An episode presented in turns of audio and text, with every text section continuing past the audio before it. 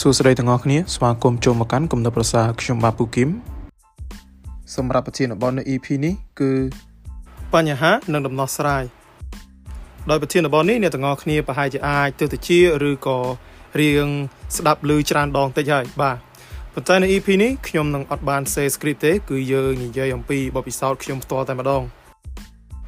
នៅពេលដែលជួបបញ្ហាមនុស្សជាទូទៅធ្វើ react ឬក៏ព្រឹត្តិកម្មទៅលើ បញ្ហានោះជាពីរប្រភេទនោះគឺ fight or flee ឬមានន័យថា យើងធ្វើការវាយប្រហារឬក៏រត់តែម្ដង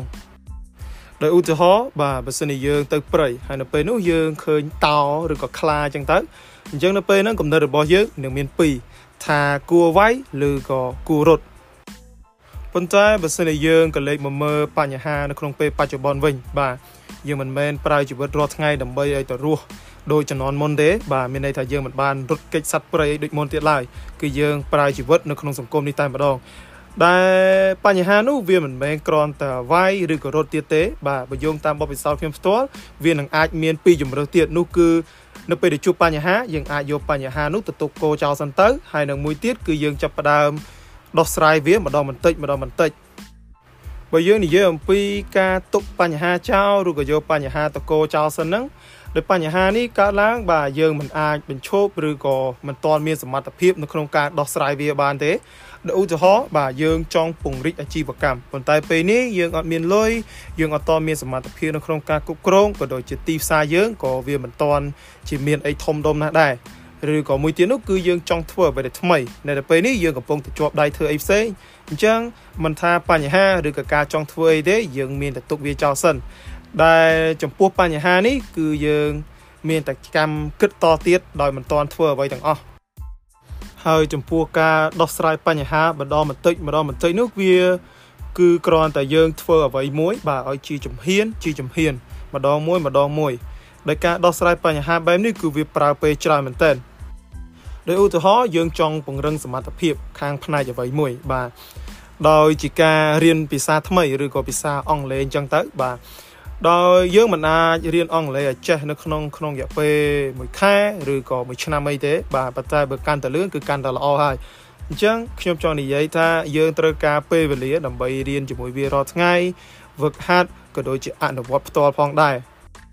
ហើយឧទាហរណ៍មួយទៀតនោះគឺយើងចង់បានសុខភាពល្អយើងទៅហាត់ប្រាណហើយសួរថាយើងអាចសម្រោទម្ងន់ឬក៏មានសាច់ដុំក្នុងរយៈពេល2ថ្ងៃបានទេបាទចម្លើយនេះគឺអត់ទេ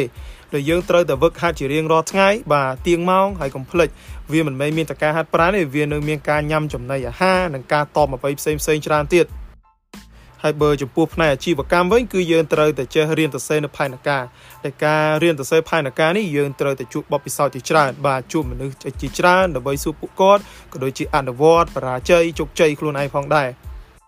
ហើយបញ្ហាមួយទៀតដែលមនុស្សយើងសពថ្ងៃបានជួបចាញ់ជាងគេនោះគឺបញ្ហាខាងហិរញ្ញវត្ថុតែម្ដងបាទឬក៏យើងនិយាយថាចំណេះដឹងខាងហិរញ្ញវត្ថុតែចំណេះដឹងនេះយើងមិនមែនចេះវាក្នុងពេលមួយថ្ងៃទេបាទអ្នកខ្លះប្រើពេល10ឆ្នាំ20ឆ្នាំ ដោយសារតែវាជារឿងដែលពិបាកធ្វើមែនតើបាទនរណាក៏ចង់មានដែរអញ្ចឹងហើយបើសិនជាយើងចង់មានយើងត្រូវតែខំប្រឹងពង្រឹងនៅសមត្ថភាពនៃចំណេះដឹងនេះឲ្យបានតែធំទូលំទូលាយជាងមុនអញ្ចឹងខ្ញុំសូមនិយាយងាយៗថាការដោះស្រាយបញ្ហាម្ដងបន្តិចម្ដងបន្តិចនេះគឺវាត្រូវការការអត់ធ្មត់ហើយនឹងប្រើប្រាស់ពេលវេលាច្រើនមែនទែនប៉ុន្តែការខំប្រឹងនេះក៏វាស័ក្តិសមនឹងតម្លៃផងដែរ ហើយចំពោះការដោះស្រាយបញ្ហាបែបភ្លាមៗនោះគឺអ្នកទាំងអស់គ្នាបានដឹងហើយបាទដែលយើងដោះស្រាយវាជាប្រចាំថ្ងៃឬក៏ប្រចាំសប្តាហ៍ដែលវាមានដូចជាការរស់នៅប្រចាំថ្ងៃបាទកិច្ចការផ្សេងផ្សេងដែលមេដាក់ឲ្យឬក៏គ្រូដាក់ឲ្យអាសាយមិនផ្សេងផ្សេងដែលឲ្យយើងធ្វើដែលយើងត្រូវតែបង្ហើយវានៅក្នុងពេលភ្លាមភ្លាម ដោយតាមរយៈការដោះស្រាយបាទបែបបន្ទាន់ឬក៏ភ្លាមភ្លាមរាល់ថ្ងៃនេះវានឹងធ្វើឲ្យជំនាញរបស់យើងវាកាន់តែមុតជាងមុនឬក៏យើងអាចនិយាយបានថាវារឹងមាំជាងមុននឹងឯងហើយនៅពេលដែលបញ្ហាមកថ្ងៃក្រោយទៀតយើងនឹងអាចដោះស្រាយវាកាន់តែងាយទៅងាយទៅហើយចំពោះគុំវិបត្តិនៃការដោះស្រាយបញ្ហាបែបភ្លាមភ្លាមនេះវាក៏មានផងដែរគឺយើងមានអារម្មណ៍ថាហត់ឬក៏ stress មែនតើបាទបើសិនជាបញ្ហាតូចយើង stress តិចឬក៏មិន stress សោះ ប៉ុន្តែបើសិនជាវាជាបញ្ហាធំដែលយើងត្រូវតែ clear វាភ្លាមភ្លាមទៀតនោះអញ្ចឹងយើងនឹង stress ខ្លាំងរហូតដល់ថ្នាក់ burn out ហើយឯចំណែកការដោះស្រាយបញ្ហាចុងក្រោយគេនោះគឺការរត់តែម្ដងរត់ចោលបញ្ហាអញ្ចឹងគឺងាយមែនតើដោយសារតែបញ្ហានោះយើងដោះស្រាយអត់បានយើងក៏រត់វាចេញទៅ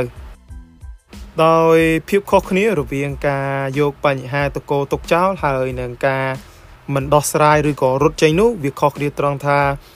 បើយើងកោចោលមានន័យថាថ្ងៃណាមួយយើងនឹងទៅធ្វើវាទោះបីជាពេលវេលានោះវាយូរប៉ុណ្ណាក៏ដោយប៉ុន្តែបើសិនជាយើងរត់ចោលវិញមានន័យថាយើងគ្មានថ្ងៃធ្វើវាឡើយតាមរយៈការព្រឹត្តិកម្មនៅបញ្ហា បាទទាំង4នេះខ្ញុំអត់បានថាមួយណាខុសឬក៏ត្រូវទេដោយសារតែ បញ្ហាវានៅក្នុងស្ថានភាពផ្សេងផ្សេងគ្នាពេលវេលាផ្សេងផ្សេងគ្នាក៏ដូចជាបរិបទផ្សេងផ្សេងគ្នាដែរសំខាន់នោះអ្នកទាំងអស់គ្នាគួរតែសិក្សាបាទស្វែងយល់អំពីប្រភេទបញ្ហាដែលអ្នកទាំងអស់គ្នាបានប្រឈមមុខបើសិនជាយើងអាចដឹងតែបញ្ហានោះវាជាប្រភេទអីហើយអញ្ចឹងដែលមានន័យថាដំណើរការនៃការដោះស្រាយបញ្ហានោះគឺវាបានឈ្មោះទៅមុខពី20ទៅ30%ហើយ ប៉ុន្តែយ៉ាងណាមិញមនុស្សយើងភាគច្រើននៅក្នុងរាល់ថ្ងៃនេះគឺដឹងតែបញ្ហា គឺជាបញ្ហាដោយមិនព្យាយាមសិក្សាអំពីប្រភេទឬក៏ឫសគល់វាឡើយដែលយើងតែងតែដោះស្រាយវា នៅក្នុងភាពយល់ច្រឡំឬក៏យើងតែប្រើប្រាស់ខុសនឹងឯង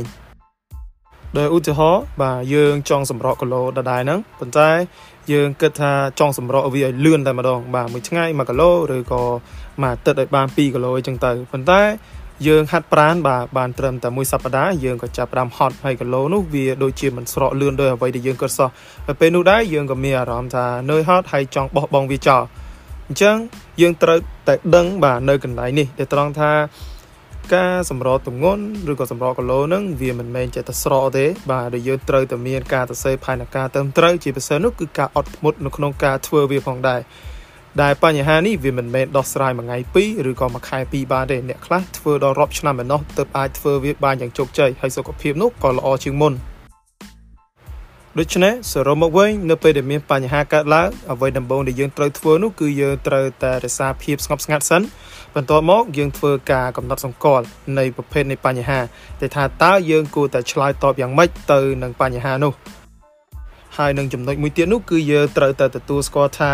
លើโลกនេះតែងតែមានរឿងស្មារភាពហើយនឹងមិនស្មារភាពអញ្ចឹងហើយយើងមិនអាចធ្វើខ្លួនឲ្យដូចទៅជាជនរងគ្រោះបានទេ គឺយើងមានតែដើរទៅមុខប៉ុណ្ណោះបើសិនជាយើងអាចយកឈ្នះបញ្ហាបានមានន័យថាយើងជោគជ័យហើយថ្ងៃក្រោយយើងចូលរួមចែករំលែកទៅអ្នកចំនួនក្រោយឬក៏មិត្តភ័ក្តិទៅប៉ុន្តែបើសិនជាយើងបរាជ័យវិញយើងគ្រាន់តែយកវាធ្វើជាមេរៀនហើយដើរទៅមុខត ហើយនឹងមួយទៀតចុងក្រោយមែនតើហើយបាទដោយសារតែនៅ EP នេះខ្ញុំធ្វើវាឡើងដោយអត់មាន script ទេអញ្ចឹងបើសិនជាអ្នកទាំងអស់គ្នាគិតថាកន្លែងណាមិនសមរម្យឬក៏ចង់បន្ថែម feedback កន្លែងណាដែរសូមមេត្តា comment ផងសូមអរគុណពីខ្ញុំពូគឹមសូមជម្រាបលា